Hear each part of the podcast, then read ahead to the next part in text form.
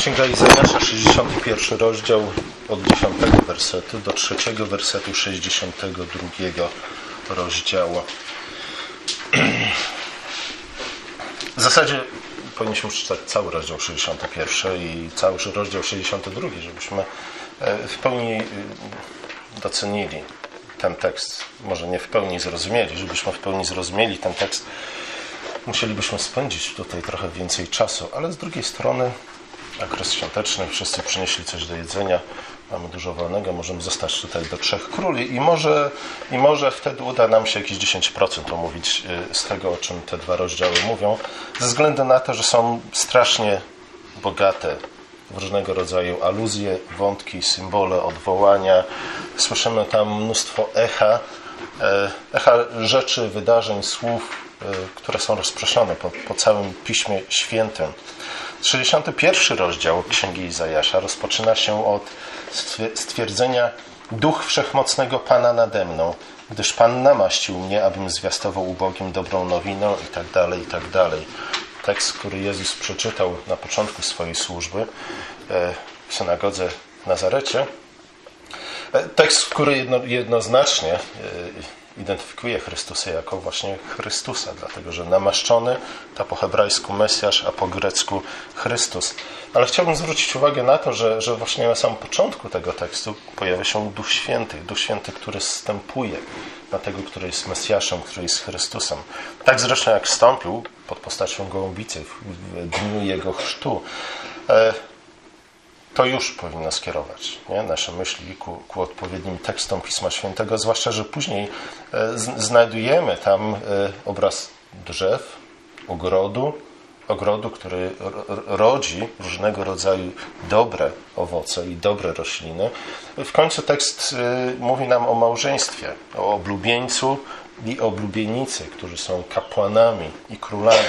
Nie? Teraz już wiecie, wiecie, dokąd musimy się udać. Oczywiście musimy się udać do, do samego początku Pisma Świętego, ale też z drugiej strony na sam koniec Pisma Świętego. Nie? Dlatego, że ten tekst, który tak mniej więcej znajduje się w połowie Pisma, Pisma Świętego, odwołuje się z jednej strony do tego, co było, i z drugiej strony zapowiada to, co będzie. Mamy więcej aluzji do, do opisu stworzenia świata, dlatego że prorok stwierdza, mówi o Izraelu, który jest pozbawiony formy, jest po prostu opustoszały. Jest bez kształtu i jest pusty. Jest pełen zgliszczy i zrujnowanych miast. Nie? W ten sposób wyglądał świat na początku stworzenia. Był pusty, e, nie posiadał żadnej formy, był bezkształtny i był pogrążony w mrokach. Ale potem właśnie do takiego Izraela, do Izraela, który znajduje się w takim stanie, e, Bóg posyła swojego ducha, który unosi się nad, nad tą jedną osobą, nad tym, tym, który jest nazwany Mesjaszem i Chrystusem. I ten duch odradza Izrael do nowego życia. E, kilka razy w 61 rozdziale Księgi Izajasza znajdujemy coś, co moglibyśmy nazwać podwójnymi parami, poczwórne struktury. Werset y, pierwszy mówi o, po pierwsze, dobrej nowinie, która jest zgłoszona ubogim. Po drugie, mówi o opatrzeniu ran serc złamanych. Po trzecie, mówi o wyzwoleniu jeńców. I po czwarte, mówi o oswobodzeniu więźniów.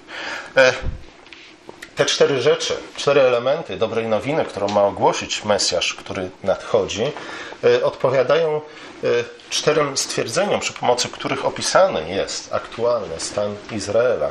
Po pierwsze, czytamy o prastarych rumowiskach. Nie to, że prastare może jest dobre, ale to, że rumowiska już nie za bardzo.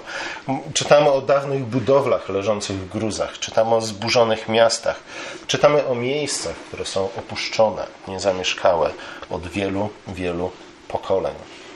Nie, z jednej strony mamy problem, który rozciąga się w czterech kierunkach, moglibyśmy powiedzieć, i wydaje mi się, że to jest słuszna interpretacja, dlatego że liczba cztery w Piśmie Świętym najczęściej, jeśli nie zawsze, wskazuje właśnie na cztery kierunki świata, na cztery rogi świata, na cztery wiatry.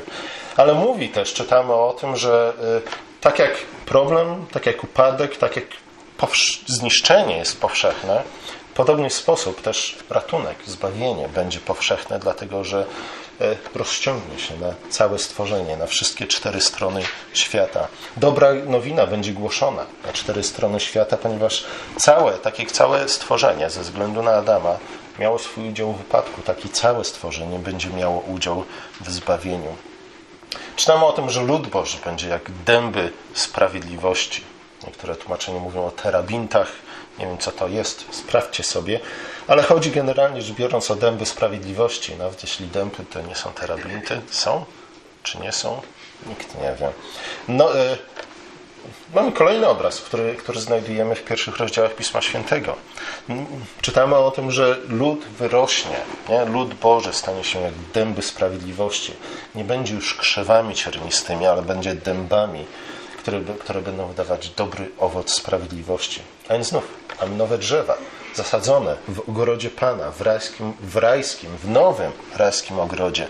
Drzewa, które, które y, staną się domem dla samego Boga, a więc Jego świątynią, domem, w którym zamieszka Jego imię. Nie? Ogród rajski był domem Boga, był świątynią, był sanktuarium, ale wiemy, że, że tak naprawdę żadna ze stworzonych rzeczy, czy też wszystkie świątynie, które zostały stworzone, czy to z materii ożywionej, czy nieożywionej, czy to z kamienia, czy też z drewna, czy też sam ogród wskazywało na jeszcze na większą świątynię, na tę prawdziwą świątynię, jeśli moglibyśmy tak powiedzieć, którą jest i będzie Boży lud. Lud będzie kapłanami i królami, tak jak miał być Adam i Ewa. Adam miał strzec ogrodu i miał uprawiać go. Miał go strzec jako kapłan i miał go uprawiać jako król.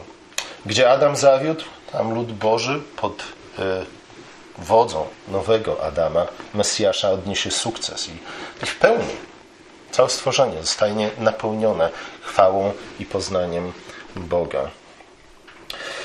E, w końcu dochodzimy do 62 rozdziału, w którym na samym początku czytamy o tym, iż to sam Bóg stanie się mężem dla swojego ludu, który będzie jego żoną. I rzeczywiście Nowy Testament opisując dzieło Chrystusa mówi o tym, iż Chrystus jest oblubieńcem dla, dla swojej oblubienicy, która jest jego kościołem.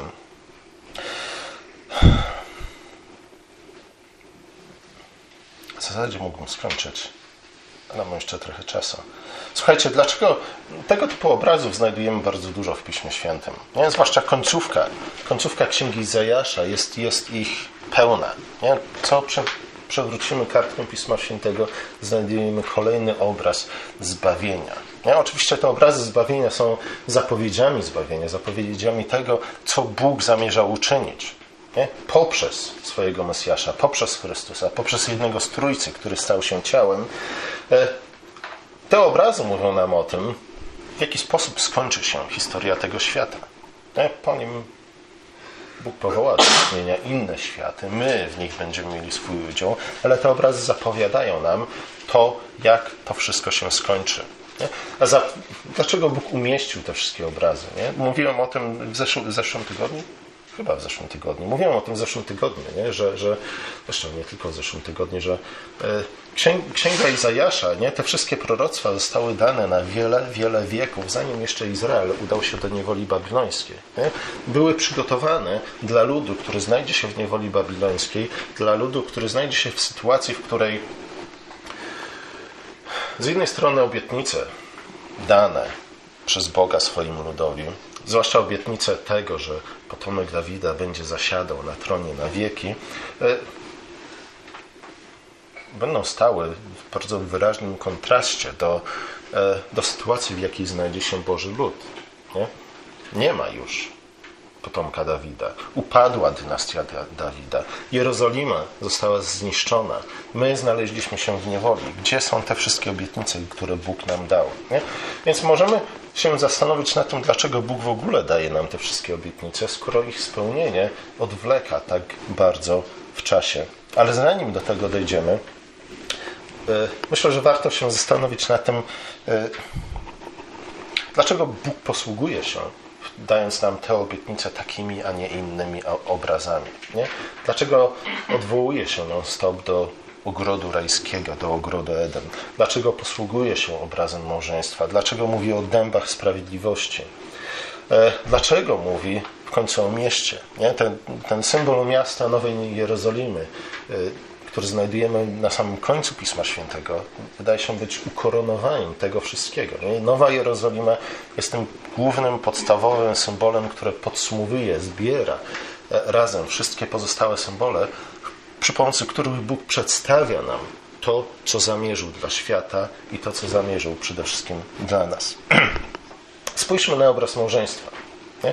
Obraz małżeństwa bardzo często pojawia się w Piśmie Świętym, tylko w Nowym Testamencie, by opisać nam e, relację, czy też wyjaśnić nam, na czym polega relacja pomiędzy Bogiem a Jego ludem. Na czym polega więź między Chrystusem a Kościołem. Nie? Podobieństwo, jakie znajdujemy w pierwszej kolejności, jest to, że, że jedno i drugie jest nazwane przymierzem. Małżeństwo jest przymierzem i związek Boga z Jego ludem jest przymierzem. Bóg stworzył nas po to, abyśmy uczestniczyli w Jego życiu, w życiu Trójcy. Ja możemy mówić o przymierzu pomiędzy trzema osobami y, Trójcy Świętej, między Ojcem, Synem i Duchem Świętym. Y, ten związek jest nazwany przymierzem miłości właśnie dlatego, że, że wszystkie trzy osoby Trójcy Świętej uczestniczą w nim e, w doskonałej harmonii, w prawdzie, w pokoju i w końcu w miłości. Nie? Dzięki temu mogą radować się swoim, nawzajem swoim towarzystwem, mogą cieszyć się swoim towarzystwem, znajdując największą radość, nie? jaką można znaleźć właśnie w interakcji między sobą. Ku temu zmierza historia świata. Nie? E, jak czytamy o tym w księdze Izajasza, jak czytamy o tym w księdze Apokalipsy, e, ku temu, iż my wszyscy, jako Boży lud, zostaniemy włączeni w pełni, do końca, bez ograniczeń, do tego przymierza miłości pomiędzy Ojcem, Synem i Duchem Świętym, w pewnym sensie już jesteśmy w to włączeni. Nie? Jeden z nas, ten, który jest naszą głową, jest jednym z trójcy. Nie? Chrystus, Syn, który stał się człowiekiem, stał się Chrystusem, jest teraz jednym z trójcy. My jako ludzkość już uczestniczymy w tym przymierzu. Nie? Ale wciąż pozostaje to, co teologowie nazywają jeszcze nie. Ale my do końca, my w pełni jeszcze w tym nie uczestniczymy. E, w ostatnich rozdziałach Pisma Świętego znajdujemy obraz Nowej Jerozolimy, która jest właśnie symbolem odnowionego, dojrzałego ludu Bożego. Ludu, który w pełni uczestniczy w życiu Trójcy. Nie? Został w pełni włączony e, w to doskonałe przymierze miłości między Ojcem, Synem i Duchem Świętym. Zatem ostatecznym celem historii jest właśnie miasto ale nie miasto jako takie. Nie? Kiedy Pismo mówi o mieście, kiedy Pismo mówi o Nowej Jerozolimie, nie chodzi tu przede wszystkim o miasto jako takie. Nie chodzi o ulice wybrukowane złotem, nie chodzi o bramy z pereł. Ta Nowa Jerozolima jest symbolem czegoś większego. Nie? Nasze myśli nie powinny biec ku tej Jerozolimie, Nowej Jerozolimie, nie powinny zachwycać się bogactw, jej, jej bogactwem, tym, że ulice są ze złota, a bramy są z pereł. Nie? To Ach, nie zrozumcie mnie źle. To powinno nas zachwycać, nie? Nie powinniśmy gardzić tego typu obrazami, mówiąc, że są zakiczowate, albo może nie odpowiadają naszej estetyce. Jeśli nie odpowiadają naszej estetyce, to, chyba coś nie tak jest z naszą estetyką, nie? z naszym pojmowaniem estetyki. Ale słuchajcie, z drugiej strony nie powinniśmy nigdy zatrzymywać się na tych obrazach, bo ani domy, ani mury, ani bramy, ani ulice, choćby były ze złota, nie są ostateczną rzeczywistością. Nie? Są jedynie obrazem, który powinien kierować naszą uwagę na coś większego, na coś ważniejszego. W ten sposób funkcjonuje w Piśmie Świętym symbolika, między innymi symbolika architektoniczna. Piękno, harmonia, formy wskazują na co?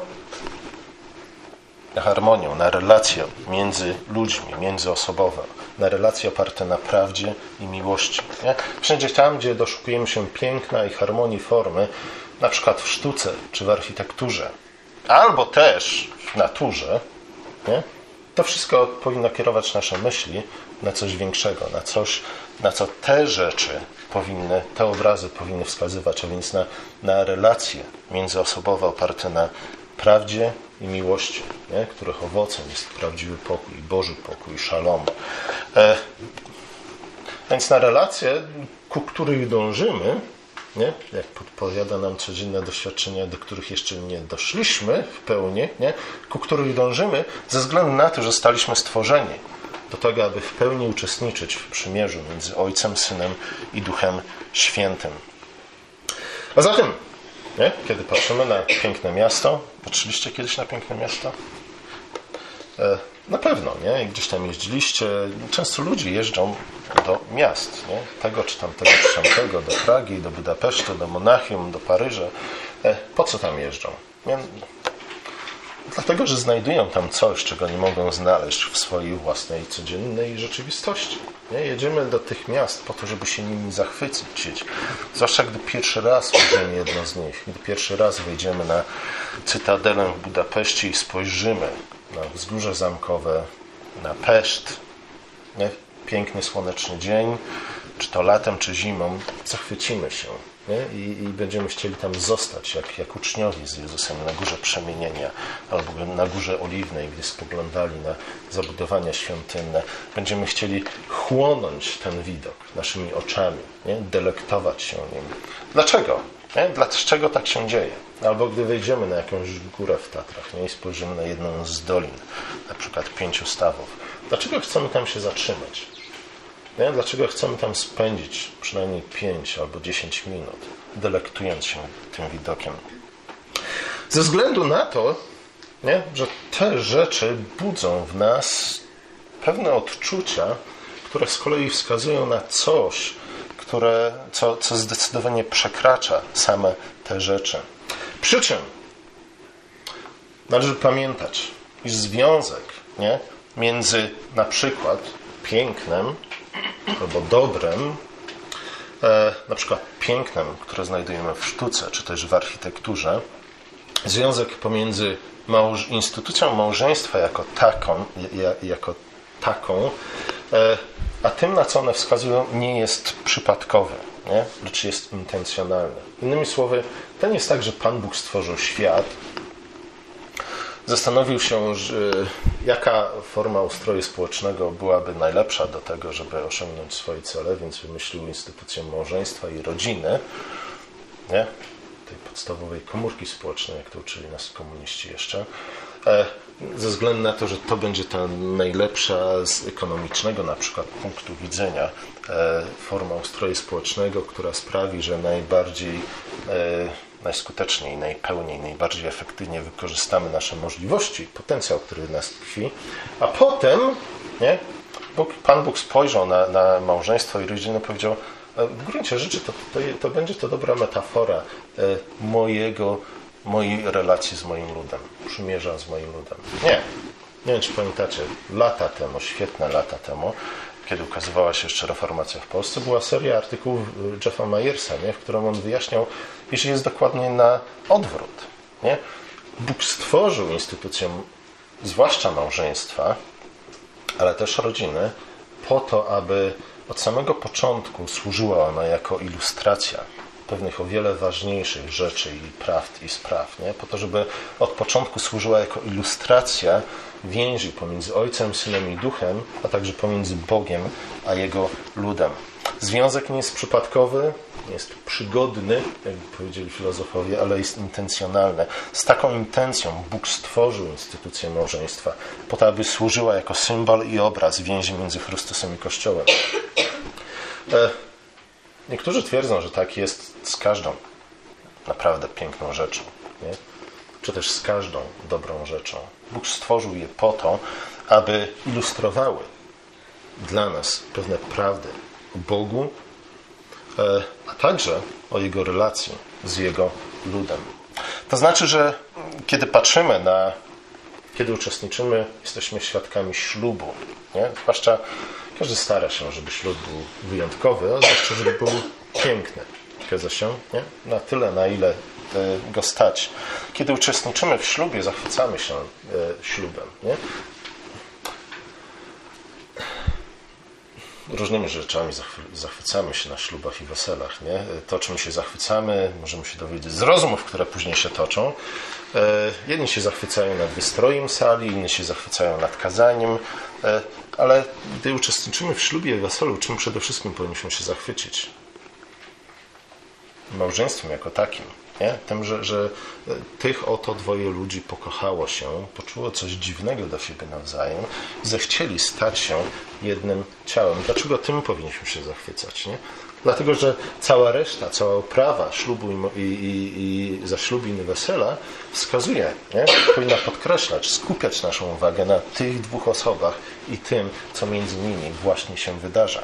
Ale z drugiej strony, to, co, co między nimi się wydarza, powinno kierować naszą myśl na coś jeszcze większego, a więc na Chrystusa i Jego Kościół. Za każdym razem, gdy uczestniczymy w weselu, na przykład, albo gdy spoglądamy na piękny krajobraz, albo jakieś piękne dzieło sztuki, albo kiedy czytamy poruszające nas opowiadanie, tudzież oglądamy film, e, który sprawia, że, że coś zaczyna dźwięczeć, rezonować w naszej duszy, albo kiedy słuchamy muzyki, od której chce nam się tańczyć lub też płakać. Nie?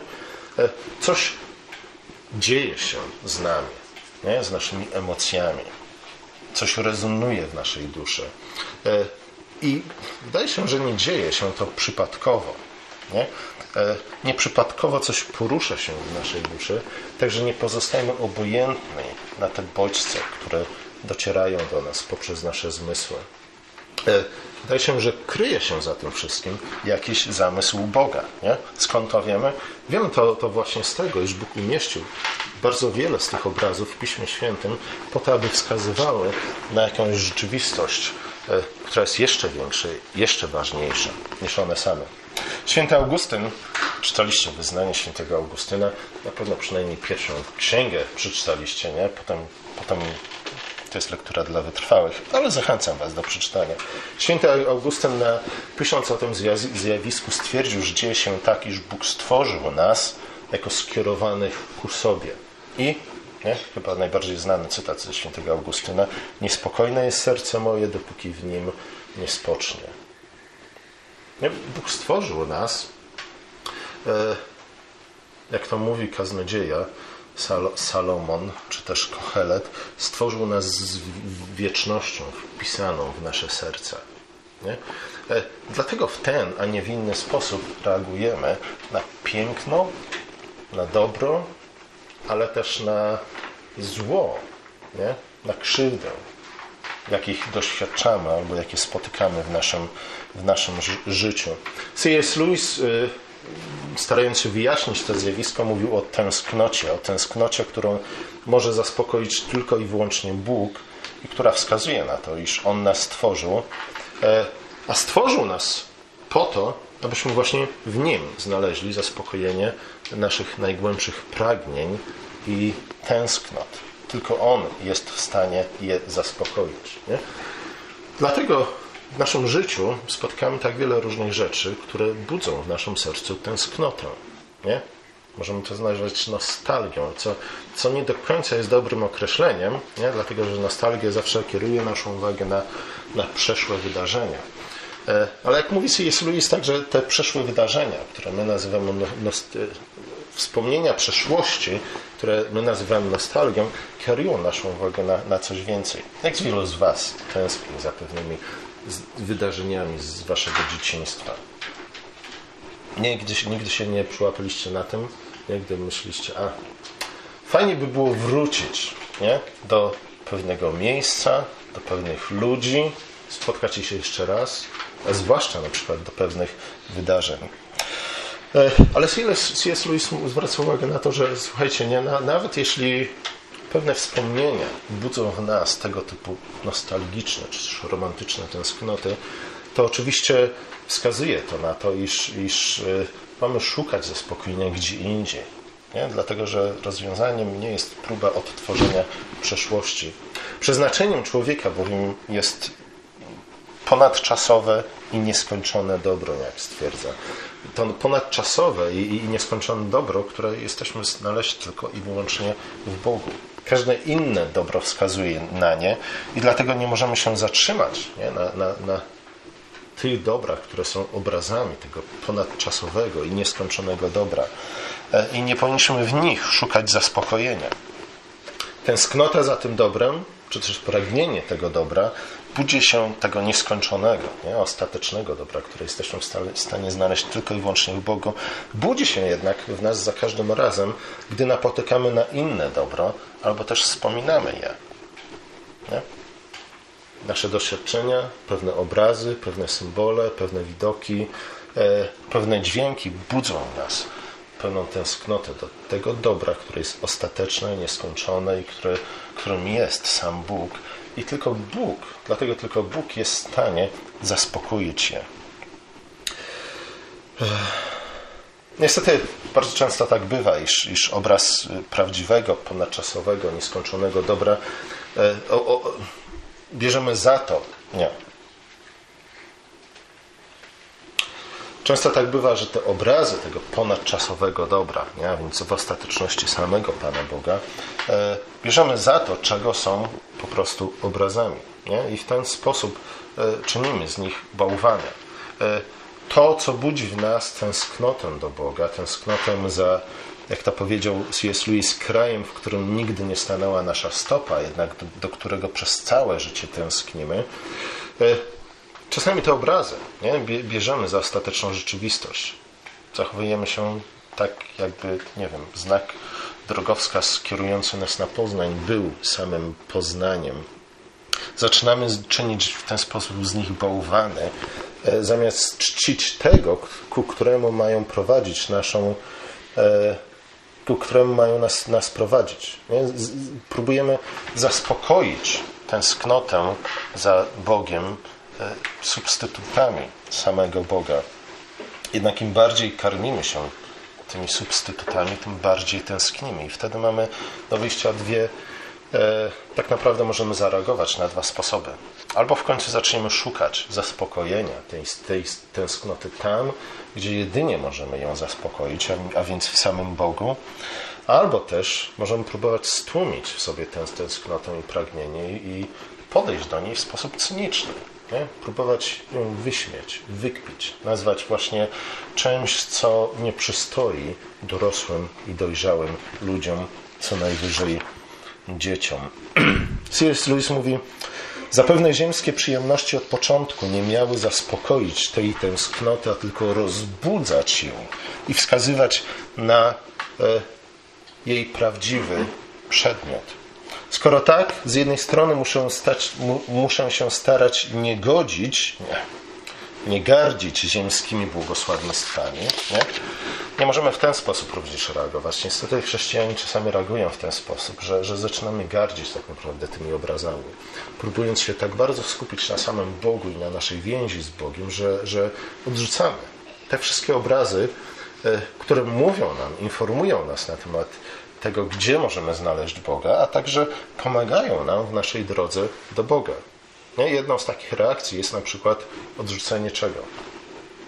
Odrzucenie wszystkiego, co sprawia nam na przykład radość. Albo może, żeby dokładniej wyjaśnić, co mi chodzi, odrzucenie tego wszystkiego, co sprawia, że zaczynamy się uśmiechać. Czytaliście mnie róże. Przynajmniej oglądaliście film. Chociaż wiecie, że książka jest lepsza. Nie? Tam mamy opisane tego typu chrześcijan, nie? którzy stwierdziwszy, że przecież w Ewangeliach nigdzie nie czytamy, żeby Pan Jezus się śmiał, wywnioskowali z tego, że, że co? Że wszystko, co przyprawia nas o śmiech, jest złe i grzeszne, odciąga nas od Pana Boga.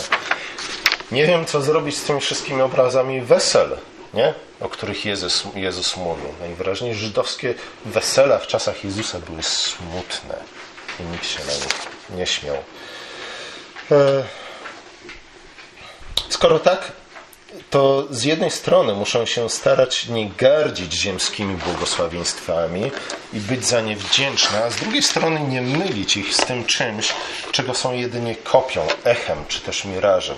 Muszę pielęgnować w sobie tęsknotę za prawdziwą ojczyzną, której nie odnajdę aż do śmierci.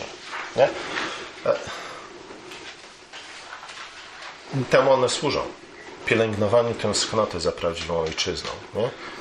Te wszystkie obrazy, które znajdujemy w końcówce Księgi Izajasza, te wszystkie dobre i piękne rzeczy, które spotykamy na, naszych, na naszej drodze, te wszystkie wspomnienia, które przychodzą nam i, i, i napełniają nasze serca nostalgią i, i melancholią, no wszystkie są dobre. Nie? Są dobrymi darami Boga, dobrego Boga. Ale one zostały nam dane po to, aby rozbudzać nas przede wszystkim tęsknotę za prawdziwą ojczyzną, nie? za tym krajem, w którym nigdy nie stanęła nasza stopa, ale o którym tak wiele słyszeliśmy, iż wszystkie nasze pragnienia kierują się właśnie do tego kraju, do naszej prawdziwej ojczyzny. Nie wolno mi dopuścić, aby ta tęsknota gdzieś się zapodziała i zanikła. Nie? I między innymi z tego względu Bóg przypomina nam, nie? daje nam tak liczne obietnice, zapowiedzi, obrazy, opisy tego, co nas czy, czy, czeka w przyszłości, tej naszej prawdziwej ojczyzny. Nie? Prawdziwej w sensie, że, że do niej powinniśmy się kierować, ku niej pielgrzymiemy przez nasze życie i całą historię. E, to jest spełnieniem tego wszystkiego, do czego tęskni nasze serce i do czego powinniśmy dążyć w całym naszym życiu. Nie wolno mi dopuścić, aby ta tęsknota gdzieś się zapodziała i zanikła. Moje życie powinno skupiać się na wytrwałej wędrówce do tamtej ojczyzny, ale też na pomocy udzielanej innym, którzy tam również zmierzają. Po to Bóg dał nam te obrazy, po to Bóg dał nam te obietnice, nie? po to, aby, jak moglibyśmy powiedzieć, to z jednej strony rozbudzić w nas nadzieję, nie? ale z drugiej strony też tę nadzieję możemy nazwać tęsknotą. Nie? Tęsknotą, która skieruje nasze myśli, skieruje na nasze kroki na właściwy kierunek. I wydaje mi się, że choć nie musimy w ogóle świętować Bożego Narodzenia, to jednak e, możemy to robić, a nawet jest to czymś dobrym.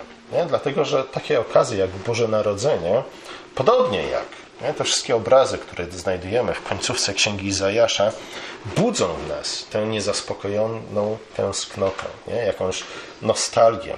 I tak powinno właśnie być. Nie? Temu one służą. Nie? Zwróć uwagę na to, że czekamy, czekamy na Boże Narodzenie, potem ono przychodzi, przechodzi i co? I czujemy jakiś niedosyt. Nie? Czy kiedyś, czy kiedyś obchodziliście Boże Narodzenie po którym już nie chcielibyście czekać na kolejne Boże Narodzenie, które by Was w pełni do końca usatysfakcjonowało, e, kiedy wszystko by się naprawdę udało, nie? Każde ciasto, każdy piernik, każdy pieróg, e, prezenty dostalibyście takie, kiedy przy których już nie chcielibyście dostać nic innego, nie? bo nic lepszego nie mogłoby spotkać w waszym życiu. Nie? Tu mamy oczywiście do czynienia z dwoma problemami. Z jednym jest to, że nic, co robimy, nie jest doskonałe i zawsze możemy to udoskonalić. Ostatnio oglądaliśmy program o Japończyku, który przez 70 lat udoskonalał swoje sushi. One rzeczywiście są dobre. Ale z drugiej strony, nie, y, nic, co my sami jesteśmy zrobić, ale też nic, co Bóg nam do tej pory dał, nie, nie może nas tak naprawdę w pełni usatysfakcjonować zaspokoić tej tęsknoty. Nie? Gdyby zaspokoiło tę tęsknotę do końca, przestalibyśmy tęsknić.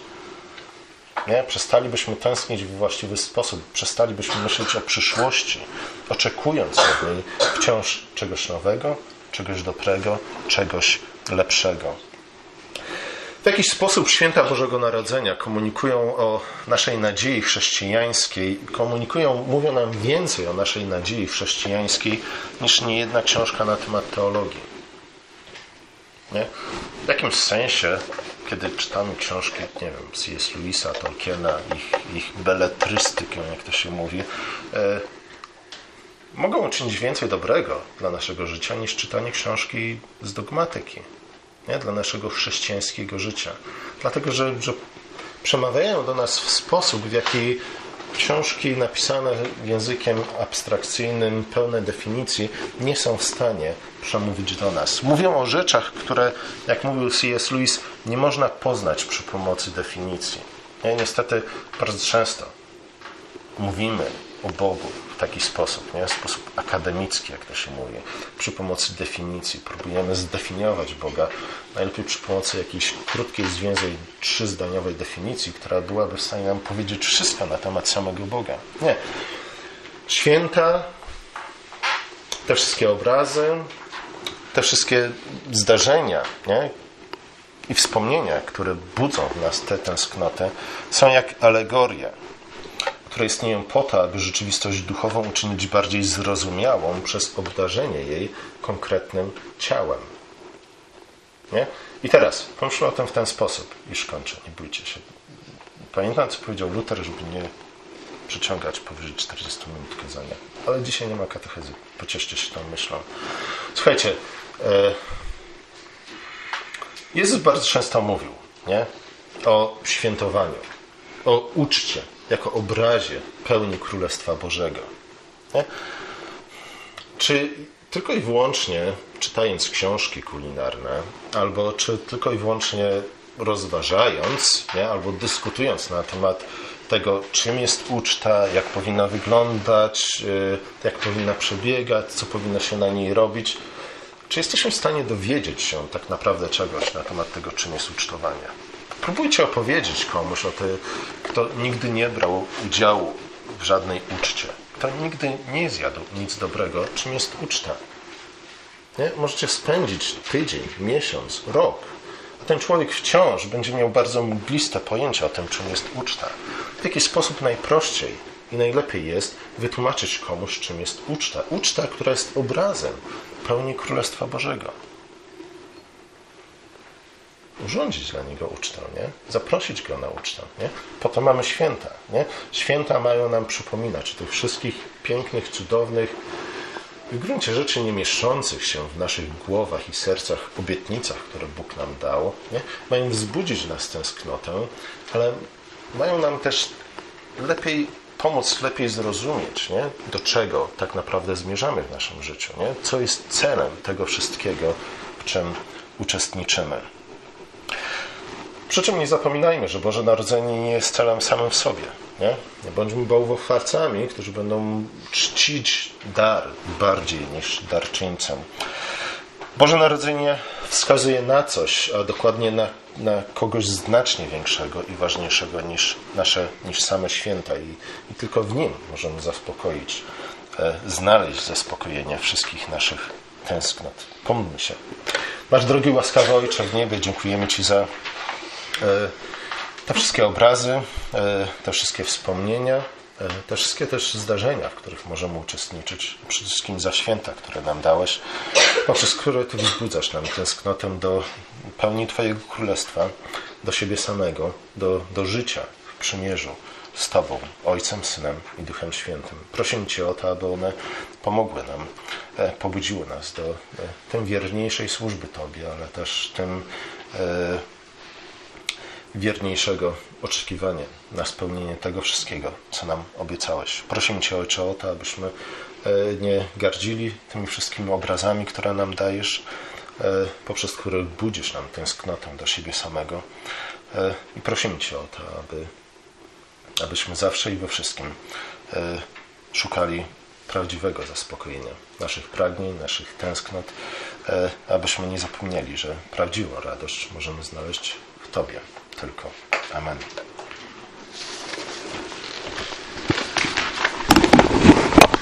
Panie.